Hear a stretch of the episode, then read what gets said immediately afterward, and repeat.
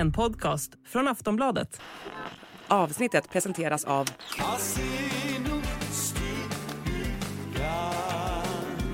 Stödlinjen.se, åldersgräns 18 år.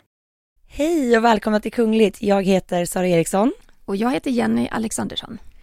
Idag så ska vi prata om Märta Louise och shaman Derek Verrett. Nu har Märta Louise viftat vit fredsflagg till medierna, men minuten efter så hamnade hon i storbråk igen. Vi ska även prata om kungen som har fått en väldigt speciell present i sin födelsedag. Och vi ska även diskutera det hemliga avtal som prins William sägs ha gjort med brittiska tabloider. Och så ska vi såklart gå igenom de största kungliga tabbarna vid historiska kröningar. Ja, det närmar sig kung Charles kröning nu och det är ju väldigt spännande att blicka tillbaka i historien och se när det inte riktigt gått som planerat. Och det har varit stora tabbar. Ja, verkligen.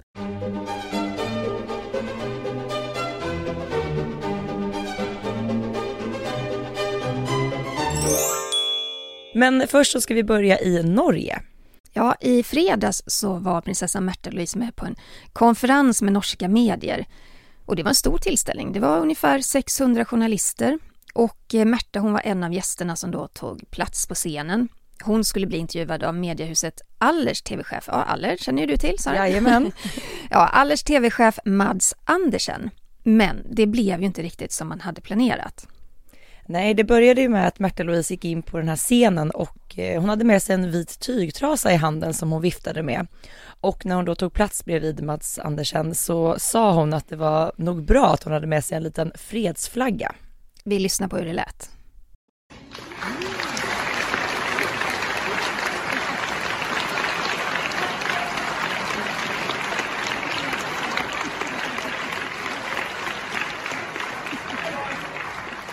Jag tänkte att det var fint att ha med fått fredsklutar. Slå deg ned, skal vi prøve å gjøre et intervju uten at det blir bråk etterpå? Det vet jeg ikke om er mulig, faktisk. Men eh, det får vi se. Nu är det lite dåligt ljud som Ja. ni hörde, men jag hoppas ni uppfattar det ändå. Men eh, Mads Andersen säger att eh, ska vi försöka göra en intervju utan att det blir bråk efteråt? Och Märta svarar att det vet hon inte om det är möjligt faktiskt. Redan där så tycker jag personligen att hon la lite ribban för att det här skulle kanske kunna komma att bli lite vevigt. Lite vevigt. Mm. Det hela drar igång.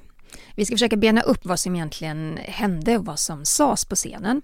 Och eh, jag läste Norska Dagbladet eh, igår. De har gjort en väldigt bra artikel kring den här fredagskvällen. Men i alla fall, de berättar att prinsessan hade med sin egen powerpoint. Alltså en presentation som hon skulle visa upp. Och hon nästan direkt då gick till hård attack mot norska medier. Hon sa bland, annat så här.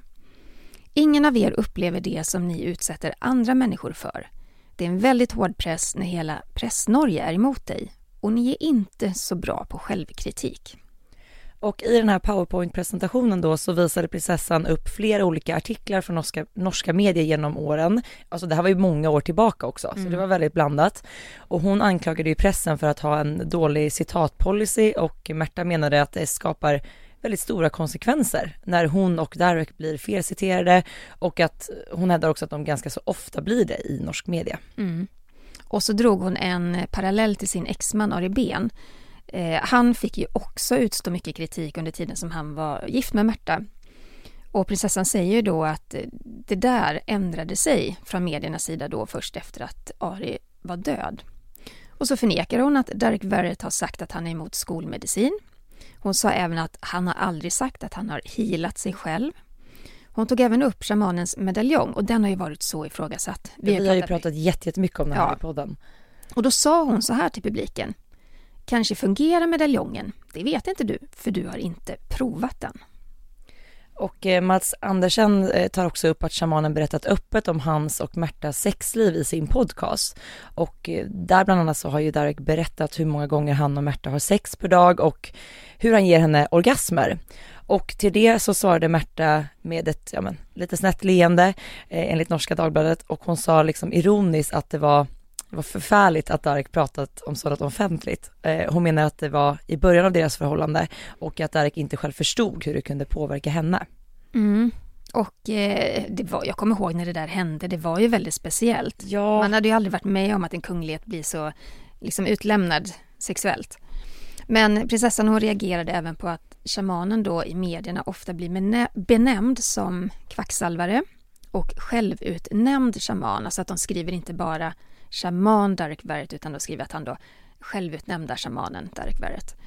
Och då ställer ju såklart Mads Andersen frågan, ja men hur blir man då shaman? Det kanske finns något eh, officiellt sätt att bli det. Men då svarar Märta att ja, när man, man blir utpekad av tidigare generationer. Och efteråt så var ju Mats ganska så irriterad och han berättade för sajten M24 att han hade svårt att ställa frågor till prinsessan och eh, att få svar. Och eh, hon hade liksom en helt egen agenda kan man säga. Det kändes som hon redan hade bestämt sig vad hon ville få fram under det här, eh, vad ska man säga, under den här samlingen. Mm. Och han säger så här då till M24. Jag uppskattar att folk som jag intervjuar i någon grad är villiga att lyssna på vad jag ställer för frågor och kanske kan offra sig till att titta på mig några gånger i löpet av intervjun. Det upplevde jag att hon inte gjorde. Men Märta hon, hon får ju så, såklart kontra. Hon, får ju, hon har också fått frågor av M24. Och hon är rätt hård för hon säger så här. Mads Andersens reaktion är helt i linje med hur jag upplever att media förhåller sig till mig. Och så menar Märta då att eh, medierna kan överdriva, använda kvällstidningsvinklingar och så tvinga på henne då åsikter som, som hon inte står för, eller som hon och shamanen inte står för. Och så säger hon så här. Medan jag inte kan komma med kritik utan att bli förlöjligad och mötas av härskartekniker. Hon säger även att hon blev överraskad av att Mats började läsa upp shamanens uttalanden om deras sexliv och att hon då tror att Andersen gjorde det för att för, alltså förödmjuka henne på scenen. Hon menar att eh, liksom skamma kvinnor är en känd härskarteknik. Hon säger så här citat, i vardagstal skulle jag kalla det för asshole move. Slutcitat. Oh. Så det är ganska hårt tillbaka. Ja, och Mads Andersen då, han kontrar igen med att nej, han tog inte upp det här med sexlivet och de uttalanden för att förödmjuka prinsessan. Men, men, men faktum är att det är också så, det är så signifikant att hon kommer ju dit med en vit flagg. Mm. Men hon har ju också en agenda. Och hela det efterspelet som det har varit, det är klart att det påverkar henne negativt. Och eh, jag läste igår också att hon har då avbokat en stor intervju som hon skulle haft med eh, NRK, tror jag att det var. Nej, men hur ska, man, hur, ska man sammanfatta allt det här som hände? För, för tanken var väl ändå någonstans att de skulle öppna upp för ett samtal eh, där hon kanske skulle få berätta om sina upplevelser, men det blev ju ganska så snabbt, jag menar en aggressiv ton och ganska hårt.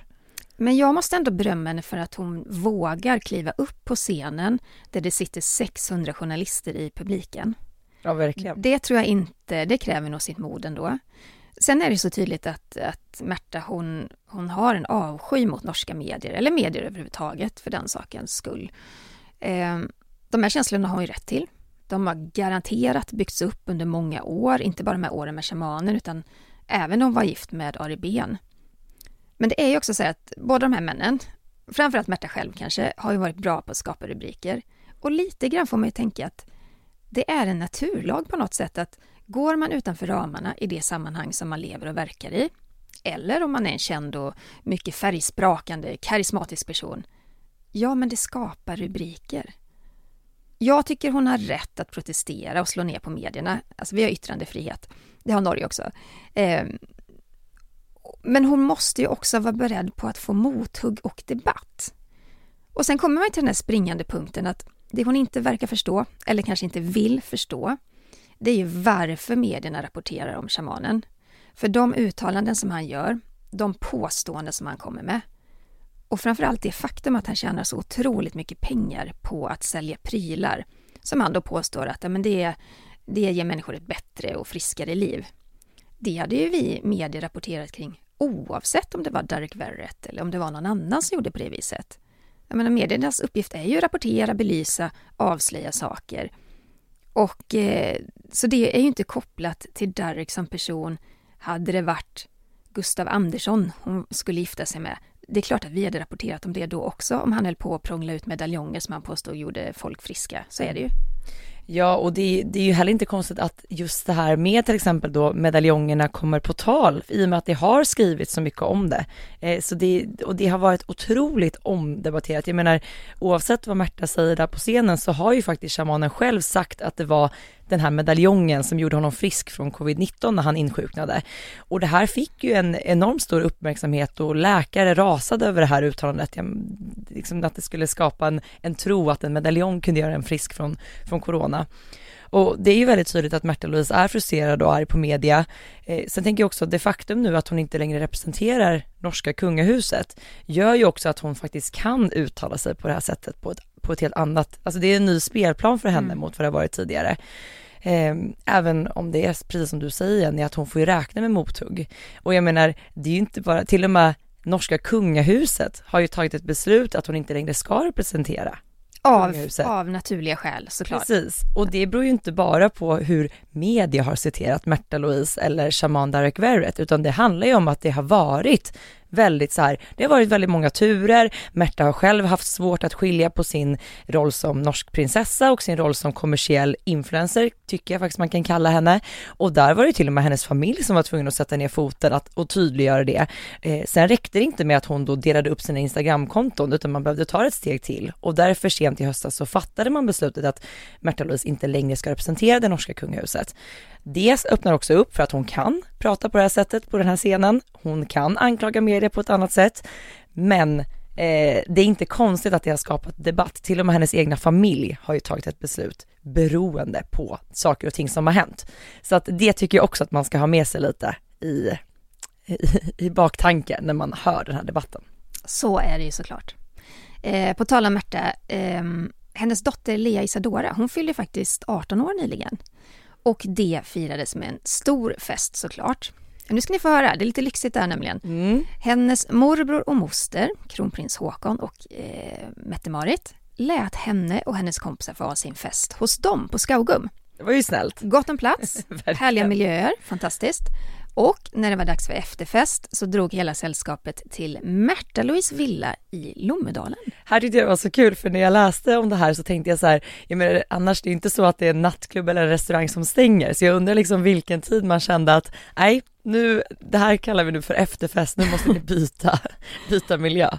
Jag tänker att det kan bli lite stökigt också när det är 18-årsfest. Ja, kanske. Då ja. vill man kanske inte ha dem i sitt finrum på Skaugum. Nej, men det var ett väldigt stort gäng som skulle ta sig mellan de här kungliga bostäderna och de fick eh, såklart eh, tjusig skjuts. Det var tre stora hummerlimousiner som fraktade partygästerna till Lommedalen och där blev det ju fest hela natten lång. Ja, och Märta Louise och Derek Verrett som är i, i Norge nu, de hade då ordnat övernattning för sig själva någon annanstans så Lea och hennes kompisar de fick ha hela huset för sig själva. Det är rätt generöst måste jag säga. det var inte så på min 18-årsdag. jag tror faktiskt att jag fick ha huset själv när jag fyllde 18. Lyxigt. Men det var inga bilar som fraktade oss mellan fest till fest om vi säger så. Nej. Apropå eh, eh, Lea så är ju hon, eh, hon är ju väldigt aktiv på TikTok. Hon har ju verkligen blivit en, en influencer i Norge. Det har vi sett. Hon har ju kammat hem olika typer av priser och varit med i, eh, vad ska man säga, dokusåpa om, om influencer i Norge. Eh, det är faktiskt väldigt kul att följa henne. Eh, man, man lär känna henne på ett annat sätt. Så att om man vill få en inblick i den nyblivna 18-åringens liv så tycker jag att man ska följa henne på Instagram.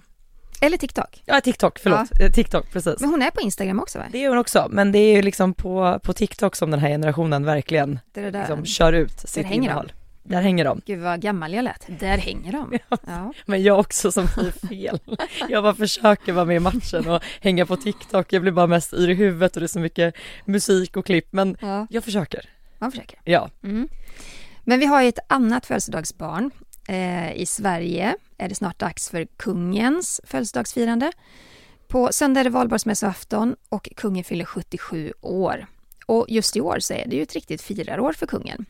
Det, han, han, upp, ja, han firar ju 50 år på tronen. Mm. Det uppmärksammas hela året. Men på söndag då så firar man traditionsenligt på Kungliga slottets yttre borggård. Det startar klockan kvart över tolv, eller hur? Ja, precis. Och då kommer ju Marinens musikkår och Mari arméns musikkår eh, delta vid firandet och det skjuts salut om 21 skott från Skeppsholmen och sen kommer ju då kungen ta emot högvakten. Och sen vet vi ju då att eh, kungafamiljen, de brukar delta. Vi ser dem skymta till uppe på de här balkongerna eh, på slottet. Men i år så kommer det se lite annorlunda ut. Mm. Slottet har fått en ny balkong och den kommer då att invigas i samband med kungens firande. Nästan 270 år efter slottets uppförande så är det då den här balkongen eh, färdigställd. Och det är på slottets västra fasad. Och i originalritningarna av slottet så fanns den här balkongen med. Men det verkar som att den aldrig byggdes. Nej, men nu inför firandet av kungens 50 år på tronen så har äntligen då den här balkongen färdigställts. Och eh, här kommer då kungafamiljen att visa sig i samband med födelsedagsfirandet. Så man kanske kan säga att kungen har fått den i present. Det kan man ju säga. Ja. Jag gissar att den balkongen är lite större. Japp. För den balkong som kungafamiljen brukar stå på på kungens födelsedag, den är rätt liten. Och många får ju stå lite bakom, nästan inne i rummet. Ja, när man ser bilder från den så det liknar ju nästan mer ett, ett stort fönster skulle jag säga. Alltså Ja. att man, så man får titta ut. Så att, som du säger, man har bara kunnat stå typ tre personer längst fram och sen har det fyllts på bakom. Men nu kanske man får lite större, lite mer, inte kanske i den kalibern, men lite mer Buckingham Palace balkongfeeling tänker jag. Ja. Så alla får plats. Ja. Så det ska vi alltså få se på söndag när Mm. kungen fyller år. Ja, men då hoppas jag vi får se hela familjen. Ja. Prinsparet och... Du träffar förresten prinsparet. Ja, i fredags så var det dags för årets upplaga av Ellegalan. Och du jobbade ju med den. Ja, jag jobbar ju utöver att göra den här podden så jobbar jag ju på Allermedia med eh, influencer marketing. Och eh, då var vi på plats på Ellegalan för att jobba och eh, där så gjorde prinsparet entré. För de var där för att dela ut årets hederspris. Och eh, det, jag tycker det är väldigt kul att prinsparet eh, tar det här tillfället att liksom vara på plats och använda sitt kungliga strålkastarljus till att just belysa svensk design och svensk mode.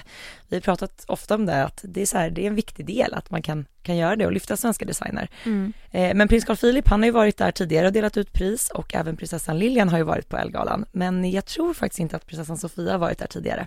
Det var kul. Och det var ju såklart genomtänkt. Hon gjorde ju entré i svensk design, eh, signerad Lisa Young. Ehm, Så att, eh, ja men det var, en, det var en härlig överraskning på galan att prinsparet dök upp. Det är väl bra att någon tar det området, alltså modeområdet. Jag vet att kronprinsessan gjorde ett försök, eh, nu är det ganska många år sedan, men då när jag reste väldigt mycket med henne, vi var i Australien, vi var i eh, Kina, vi var i, ja, i Australien, nej vad sa jag, ja, all over. Det är en lång lista, hur som helst. Och då vet jag att man planerade in ganska många så här mode och design-event. Och det var modevisningar som hon var med på, eh, det var designutställningar eh, och så vidare. Men kronprinsessan har ju andra intresseområden som hon tycker är mycket mer spännande. Bland annat miljö och Mm. klimatförändringar och sådär. Så det blev väl aldrig något riktigt bra grepp eh, för henne kring det ämnet. Men jag kan tänka mig, jag menar Carl Philip som sysslar med design och eh, prinsessan Sofia, de är ju utmärkta representanter för svensk mode. Ja, ja men verkligen. Så att jag tror att det passar väldigt bra. Men det var, det var kul. Jag tror att det var många som blev överraskade när prinsparet dök upp på galan. Gick de på röda mattan som alla andra? Nej, den, den stora eller liksom röda mattan som hölls eh, tidigt på kvällen, den var ju utomhus i år eh, framför Grand Hotel och det var ju redan vid, när gick man vid klockan sex kanske. Och prinsparet skulle ju inte dela ut det här priset förrän vid kan det ha varit vid halv tio på kvällen. Så att då var liksom den här utomhusmattan stängd. Men det fanns en ytterligare röda matta inomhus i, i vapensalen. Så att där har vi sett bilder från när de gjorde entré. Mm. Så så fick det bli. Kul. Ja. Vi tar ett hopp till Storbritannien.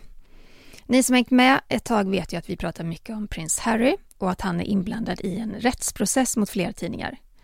Och i slutet av mars så gjorde han en blixtvisit till London. Han deltog i förhandlingar kring den eh, stämningsansökan som han lämnat in mot Associated Newspapers. Och det är då Harry tillsammans med bland annat Elton John, skådespelerskorna Elizabeth Hurley och Sadie Frost. Eh, även David Furnish, han är filmskapare och gift med Elton John. De har då gjort en gemensam sak med prins Harry kring den här stämningen. Ja, för Associated Newspaper påstås ha genomfört telefonavlyssningar och placerat sådana här avlyssningsapparater i bilar och i privata hem. Och de sägs även ha mutat poliser för att läcka uppgifter kring känsliga händelser och eh, eh, reportrar ska låtsas vara någon annan när de kontaktar vårdpersonal och ja, men de har fått ut väldigt mycket privat information och även journaler. Så det är ju väldigt illa att de har kommit åt de här journalerna bland annat. Vidrigt. Mm. Men det som är nytt i det här är att det, det, det finns nya uppgifter gällande de här dokumenten som lämnats in från båda sidor. Eh, det handlar om att kung Charles ska ha försökt att stoppa Harry från att väcka rättsliga åtgärder mot tidningarna. Det här har vi liksom, vi har hört lite om detta innan. Men i ett vittnesmål då så sa prins Harry att han kallades till Buckingham Palace och uppmanades att lägga ner det här fallet på, på grund av att det kunde påverka kungafamiljen så otroligt mycket. Det handlar väl, tänker jag, om att man är rädd för att tvingas vittna. Att Mm. man som kunglighet ska infinna sig i en rättssal, tvingas vittna och svara sanningsenligt på, kan vara mest intima frågor. Mm. Och det går ju inte att kontrollera. Men också det faktum att gör man det eller att man drar det då längre så kanske man också faktiskt behöver spela upp de här eh, avlyssningarna igen eller vad man på, Ja. alltså det, man behöver liksom, det bubblar upp till ytan en gång till, det som man inte vill ska komma ut offentligt. Eh, men inte nog med det, i dokumentet så avslöjades, som avslöjades i tisdag så påstår Harry att Buckingham Palace tillsammans då med tidningsgruppen ingått en hemlig överenskommelse, vilket är anledningen till att han inte väckt något åtal tidigare. Och Harry säger då att han först blev medveten om det här runt 2012. Och i dokumenten då så påstås att prins William, han har fått en mycket stor summa av ägarna till tidningen The Sun för att lägga ner anklagelserna om telefonavlyssning. Och den här betalningen ska ha gjorts 2020, så det ligger inte så långt tillbaka i tiden. Men dokumenten avslöjar inte exakt belopp eh, som William fick, inte heller detaljerna kring det här. Och en talesperson för prins William har sagt att de kommer inte kommentera eh, i och med att det är en pågående rättslig process. Och Newsgroup Newspapers advokater förnekar att det någonsin fanns en hemlig överenskommelse och ehm, att det här avtalet, de menar då att det aldrig har existerat. Och det är ju spännande att de säger det. Verkligen.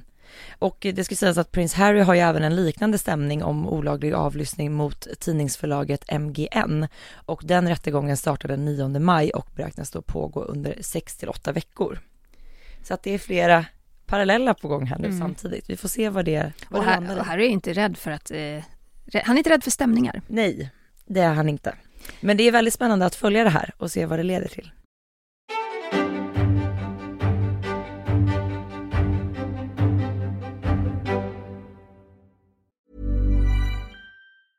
Selling a little or a lot? Shopify helps you do your thing however you cha-ching. Shopify is the global commerce platform that helps you sell at every stage of your business. From the launch your online shop stage to the first real life store stage, all the way to the did we just hit a million orders stage. Shopify is there to help you grow. Shopify helps you turn browsers into buyers with the internet's best converting checkout. 36% better on average compared to other leading commerce platforms because businesses that grow grow with Shopify. Get a $1 per month trial period at shopify.com/work. shopify.com/work. Vi har kommit fram till kröningsnytt.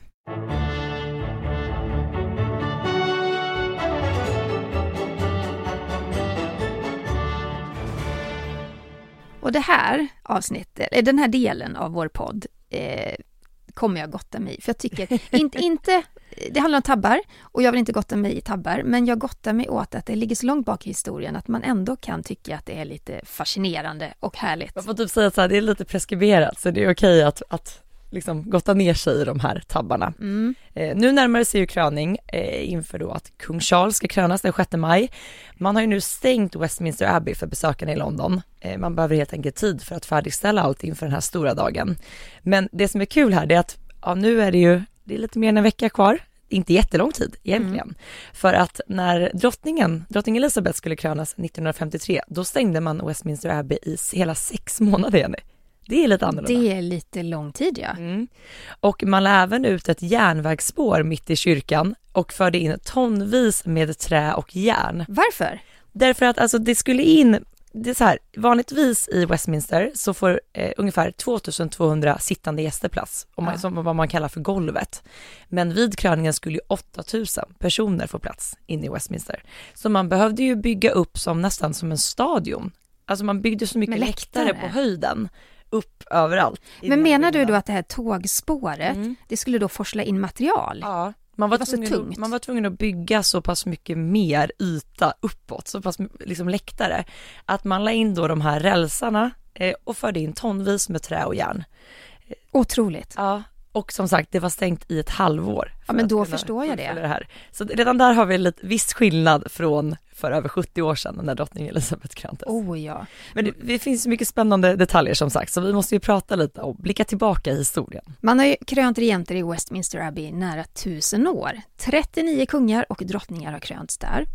Traditionerna är gamla, de är många, alltid väl inövade. Men det är ju en enorm apparat som sätter igång när en kung eller drottning ska få en krona på hjässan. Det har gått fel. När William Erövraren kröntes på juldagen år 1066 så var läget runt Westminster Abbey väldigt spänt. Och det handlar ju om de här konflikterna och striderna som har skett då innan kungen tog över helt enkelt. Och utanför kyrkan så stod folk och ropade God save the king. De skrek, de hojtade så otroligt högt att eh, Williams livgarde trodde att någon skulle försöka lönnmörda kungen.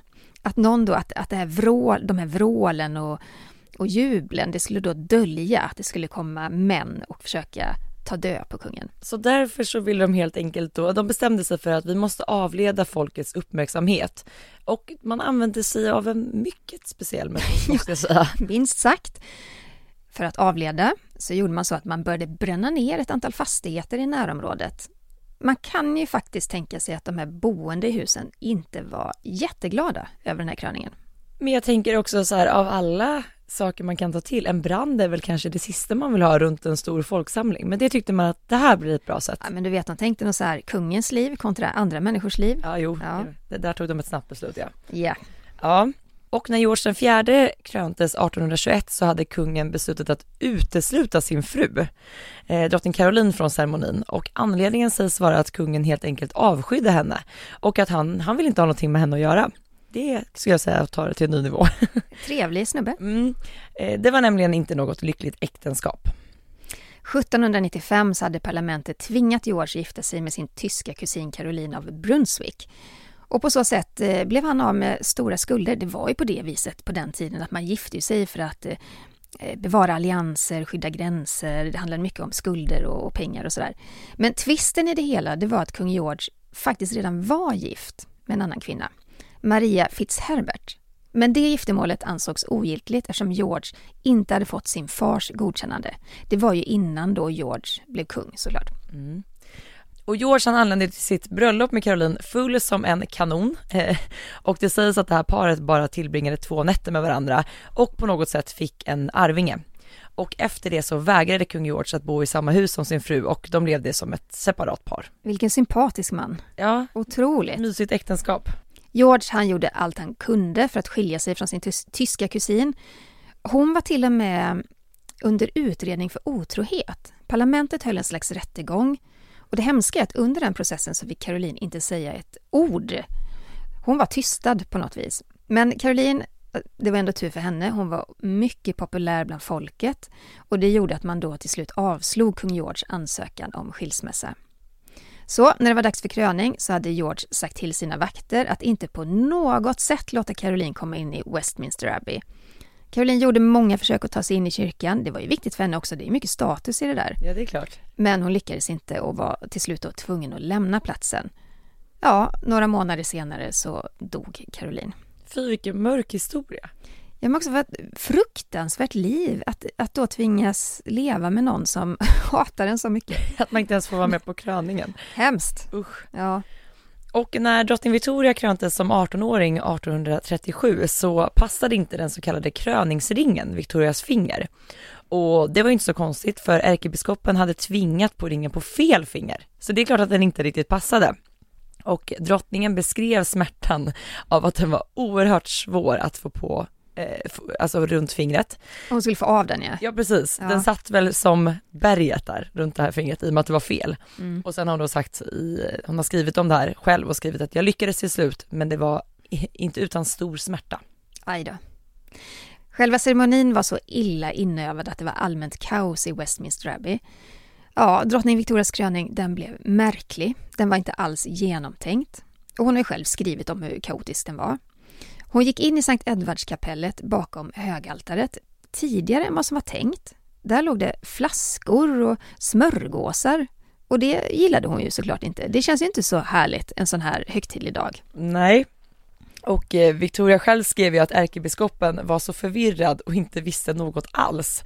Eh, och när drottningen trodde att allt var över så lämnade hon kyrkan, men var tvungen att skynda tillbaka eftersom, eftersom biskopen av Bath och Wells av misstag glömt bort den del av gudstjänsten där Victoria officiellt blev drottning. Det känns ju ändå som en ganska så viktig del i Det är kröningen. väl därför hon är där, Ja, jag. så att hon lämnar alltså platsen och sen får hon ta sig tillbaka och i slutet av ceremonin så råkade även en av lådorna snubbla ner för trappan och blev liggandes där. Så att det var Vilket faktiskt jäkla ganska mycket kaos. Ehm, jag tror att det var, det kommer nog vara lite mer uppstyrt nu vid kung Charles kröning. Alltså det hoppas jag verkligen. Ja. Men vilken, vilken bisarr dag för henne. Men trots de här upplevelserna, jag tänker de har ändå lärt sig mycket om man tittar tillbaka till historien, vad som har gått fel tidigare och så vidare. Eh, när drottning Elisabeths pappa George VI skulle krön, krönas 1937 så gick det inte heller riktigt som planerat, även om man då verkligen hade tänkt att det skulle vara liksom, perfekt. Mm. Eh, ärkebiskopen som då ledde ceremonin trodde då att han hade märkt, eh, Sankt Edvards krona är ju så här, det finns liksom inget tydligt fram och bak på den. Mm. Så då ska han då ha märkt framsidan eller om det var baksidan med en liten tråd så han enkelt då skulle kunna se hur han skulle placera kronan på kungens huvud.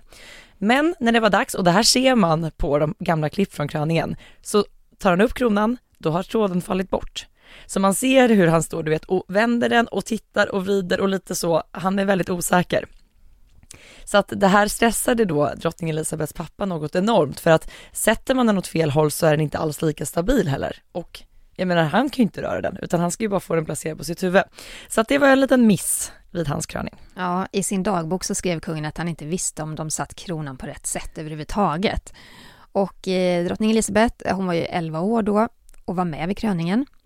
Eh, det är klart att hennes pappa var väldigt angelägen om att hennes kröning i framtiden skulle gå mycket smidigare.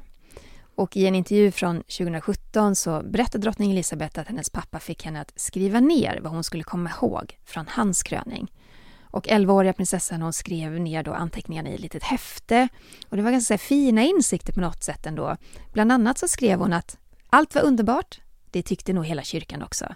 Valv och balkar var insvepta i ett underbart dis när pappa kröntes. Det tyckte i alla fall jag.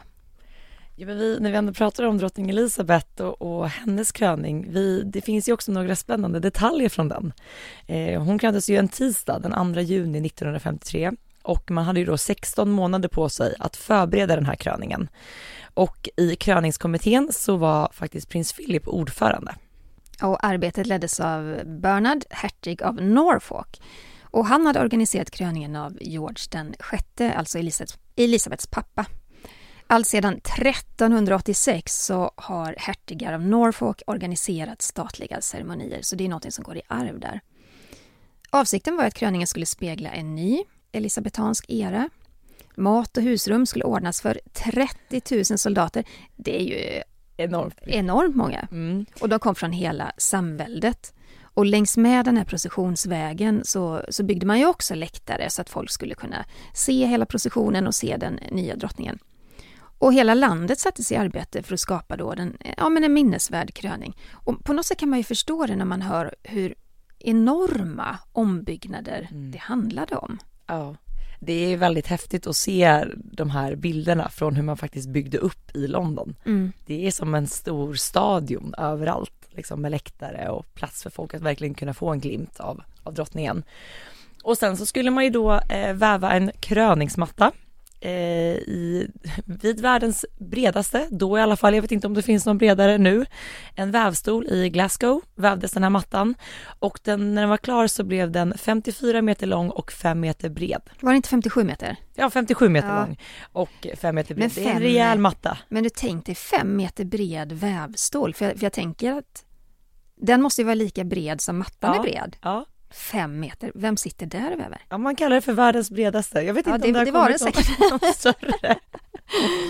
Men eh, scenen, eller liksom själva platsen där ceremonin ägde rum kallas för The Theatre och det var en eh, specialbyggd plattform mitt i Westminster Abbey. Och som du sa Sara, resten av kyrkan byggdes verkligen om från grunden med de här massiva läktarna för tusentals gäster. I vanliga fall så får man plats med ungefär 2200 personer i kyrkan. Vid Elisabeths kröning så var det 8000. När jag, eh, jag Man vill inte att det börjar brinna där. Nej, då- och jag tänkte också på det här, även om det är en väldigt, väldigt stor byggnad som är rymlig. Jag tänker, när 8000 personer samlas där, Mm. jag undrar liksom lite så här, hur var det med luften i den? Gick det att andas? Var det varmt? Det måste varit skitvarmt. Kvavt? Och kvavt. Ja. Även om man hade, har portar öppna, det, det är så mycket människor där inne. ja. Man kallade ju faktiskt drottningens kröning för den största showen världen skådat och det blev ju verkligen en show. Ja, absolut. Eh, Prins Charles har berättat att drottningen tränade på att bära kronan innan läggdags inför kröningen. Eh, och Charles han var ju faktiskt med vid kröningen, men prinsessan Anne hon var, hon är lite yngre, hon Mm. stannade hemma. Och så färdades drottningen då från Buckingham Palace till Westminster Abbey i Gold State Coach. Den väger nästan fyra ton. Det är även den som ska användas när kung Charles och drottning Camilla ska ta sig från Westminster tillbaka till Buckingham nästa vecka. Mm. Det är så roligt för att den här vagnen ser ju otroligt pampig ut. Den är ju, den är ju otrolig, eh, vilket mästerverk. Men drottning Elizabeth, hon var inget fan av den här eh, vagnen. I eh, en dokumentär som heter Elisabeth den andras kronjuveler som finns att se på SVT Play så berättar drottningen att den är hemsk, den är inte alls gjord att åka i. Eh, den har fjädring av läder och den är obekväm och sen lägger hon till och jag åkte runt halva London. så att den ser så flott ut men verkar tydligen inte vara så skön att färdas i. Träsmak i rumpan efter det. Och den är ju så pass tung att det går ju inte, alltså hästarna som drar den kan ju endast gå i liksom, vad ska man säga, gångtakt. Alltså det går liksom inte, ja, Ja. det går inte att, att färdas fortare för den är så pass tung. Otroligt. Ja. Men det var också väldigt speciellt med drottningens kröningsklänning. Den skapades av Norman Hartnell och den hade brodyr av silke, pärlor med guld och silvertråd. Och eh, om den klänningen så säger Elisabeth så här. Jag minns ett ögonblick när mattans strävhet gjorde att jag inte kom framåt inne i kyrkan. Alltså hon, den var så tung och så tjock då. Nej, men man hade, hon berättade också att i, man hade ju då vävt den här kröningsmattan, men det man inte hade tänkt på var att den kanske hade behövt vara gjord av lite annat material för att klänningen som hade ändå ett litet släp, när hon då gick upp för den här Då mattan håller den emot. så, så var det liksom att mattan blev för sträv så att Ah. klänningen kunde inte liksom glida. Glida. Och då kände hon liksom som att hon blev nästan bakåt Hållen. hållen. Ja. Så att det var liksom tungt för henne att skrida fram till kröningen. Ja, och efter kröningen så marscherade 29 000 soldater från 129 länder under två timmar. Under en 8 kilometer lång processionsväg. Ja. Alltså det är svårt att tänka sig hur mycket folk, hur pampigt, hur, vilket stort arrangemang det här var. Och tänk på den tiden också. Ja, och eh, ja, men man kan säga från och med det att drottning Elizabeth lämnade Buckingham Palace till att hon då återvände, det var sammanlagt fem timmar. Så det var ju en väldigt lång, lång händelse, en lång show. Jag kan förstå att kung Charles vill modernisera de här ceremonierna. För det som hände då, 1953, skulle aldrig kunna, eller inte heller accepteras i nutid. Nej. Inte under brinnande ekonomisk kris och det som sker i världen. Menar, jag tänker också att kostnaderna för drottning Elizabeths kröning måste varit enorma. Ja. Och det är ju skattepengar som går till kung Charles kröning såklart och betalar den för en statsangelägenhet. Ingen britt skulle någonsin acceptera att man bygger om hela Westminster Abbey, bygger som en jäkla arena med läktare. Att de, att de här 30 000 soldaterna ska gå marsch i fem timmar. Nej men alltså det... Nej. Nej, men däremot tycker jag just när man pratar om drottning Elizabeths kröning så blir man, man är ju mycket medveten om det, men man blir påmind om att det har liksom gått mer än 70 år. Det är någonting väldigt historiskt och någonting väldigt stort som vi kommer att få skåda nästa vecka när kung Charles kröns i Westminster. Det är en historisk händelse. Ja, det är det. Vi har fått lite lyssnarfrågor från er. Vi börjar med en fråga från Johan. Förresten, vill ni skicka egna frågor så mejla dem till kungligt aftonbladet.se så Yes. svarar vi. Men Johan skriver så här. Jag är en van lyssnare, van lyssnare av er podd. Det är en väldigt bra podd måste jag säga. Tack Johan. Tack Johan. Jag undrar två saker. Ett, varför ger ni Harry och Meghan så mycket utrymme? Ett helt segment i nästan varje avsnitt. Ska vi börja med den frågan? Så tar vi Ja. nästa sen. Ja. Ja, men en stor anledning till att vi ger Harry och Meghan utrymme, det startade egentligen med Mexit. Eh, aldrig någonsin har en prins och hans fru lämnat ett kungahus på det uppseendeväckande sätt, får man väl ändå lov att säga. Och särskilt då med tanke på allt som hände efteråt, alla turer i medierna och intervjuer och utspel. Och när och om det lugnar sig kring paret så kommer ju även vi att rapportera mindre om dem helt enkelt. Så skulle jag vilja sammanfatta det hela. Och eh, Johans andra fråga är så här. Jag undrar vad kronprinsessan kommer ha för titel som drottning. Blir det Victoria den första eller den andra med tanke på Victoria av Baden? Du får rätta mig nu om jag har fel Jenny, men jag, eh, i och med att Victoria Baden inte var regerande drottning så blir kronprinsessan den första drottning Victoria på så vis. Vilken titel hon kommer att ta, det är ju hon själv som kommer att välja det helt enkelt. Vi har fått en fråga ifrån Helena som skriver så här. Jag har en fundering som ni gärna får ta upp i podden. Vad skulle hända om Sverige blev republik? Vad händer då med kungligheterna och kungahuset, deras titlar, slott och byggnader och så vidare? Hur skulle livet kunna se ut för de före detta kungligheterna? Det här är en komplicerad fråga, också väldigt intressant. Men den är komplicerad eftersom vi har haft kungar och drottningar i Sverige i nära tusen år. Stödet till kungahuset det har ju en längre tid legat runt 70 procent. Så det är inte något som i så fall skulle kunna hända i detta nu. Men om det sker så finns det ju många problem att lösa. Vi börjar med kungafamiljens titlar. I andra länder som blivit republiker så har ju kungligheterna själva fortsatt att använda sina titlar. Kolla på det grekiska kungahuset, det bulgariska kungahuset till exempel. Vad gäller slott och kungliga bostäder så är det ju en del av vårt kulturarv. Det ägs av staten, det ägs av oss. Så kungafamiljen skulle inte ha någon rätt till de här byggnaderna om de blir avsatta så att säga. Men det är klart att de skulle ha rätt till väldigt mycket inventarier, prylar, saker som finns i de här slotten, juveler och, och bilar och annat som de äger privat. Och det gäller ju även hus som prins Carl Philips Villa Solbacken, eh, Soliden som kungen äger privat och så vidare. Så att vissa grejer skulle då kungafamiljen kunna behålla, ganska mycket stora värden i de sakerna. Eh, vissa grejer skulle då eh, ja, men, stanna hos staten helt enkelt. Men eh, livet som, som stort, om de skulle bli avsatta, ja men det skulle nog fortsatt vara väldigt behagligt för kungafamiljen trots allt. Kungen har en enorm förmögenhet, de andra i familjen har också pengar och, och liksom fastigheter och bolag och så vidare. Så att eh, det är klart att det skulle bli en stor skillnad från dem. Kungen skulle inte längre ha Sveriges högsta ämbete och vara statschef. Men det är klart att de skulle kunna leva ett bekvämt liv. Mm. Vi har fått en fråga ifrån My.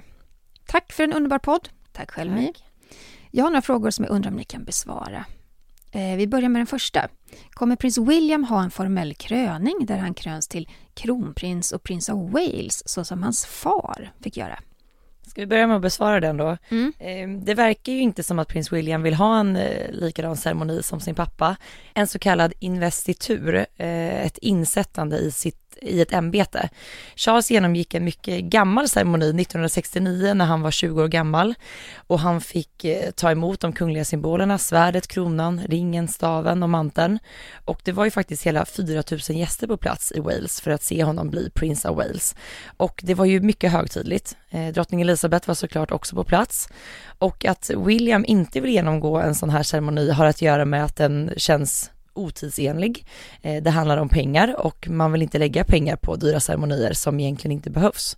Eh, William är ju prins av Wales i alla fall oavsett ceremoni eller inte. Mm. Den andra frågan från My lyder så här. Jag läste att prinsessan Catherine har en egen vapensköld. Är det något som Meghan också har? Hur kommer det sig att de har fått vapensköldar och har de fått bestämma hur de ska se ut själva? Ja, Meghan har ju också en vapensköld eh, och där har man tagit intryck av hennes bakgrund från Los Angeles. Eh, det är ett lejon och en sångfågel som håller en sköld och ovanpå skölden så vilar en täckt krona. Och lejonet representerar prins Harry och sångfågeln Meghan. Och den blå färgen på skölden symboliserar Stilla havet och strålarna är då solen som skiner. Och under skölden så finns Kaliforniens egen, egna blomma, en gyllene vallmo och tre fjädrar på skölden representerar ord och kommunikation. Så att hon har sin egen sköld och där finns de här personliga incitamenten. Och vi kan ju säga det att hon har också fått vara med och påverka när den skapades och har haft önskemål på hur den ska se ut. Exakt. Ja, Tack, det var det. Det var det. Tack snälla för att ni har lyssnat på veckans podd. Vill ni ha dagliga uppdateringar så följer ni oss på Instagram där heter jag Kungligt med Jenny och du då Sara? Och jag heter royalistan.se. Vi hörs igen nästa vecka. Hej då! Hej då!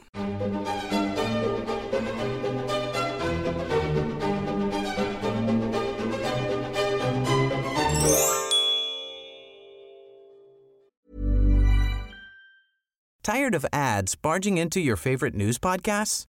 Good news. Ad-free listening is available on Amazon Music for all the music plus top podcasts included with your Prime membership.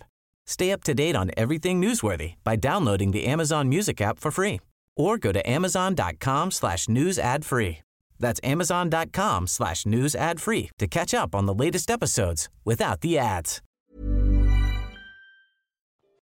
Du har lyssnat på en podcast från Aftonbladet. Ansvarig utgivare är Lena K Samuelsson.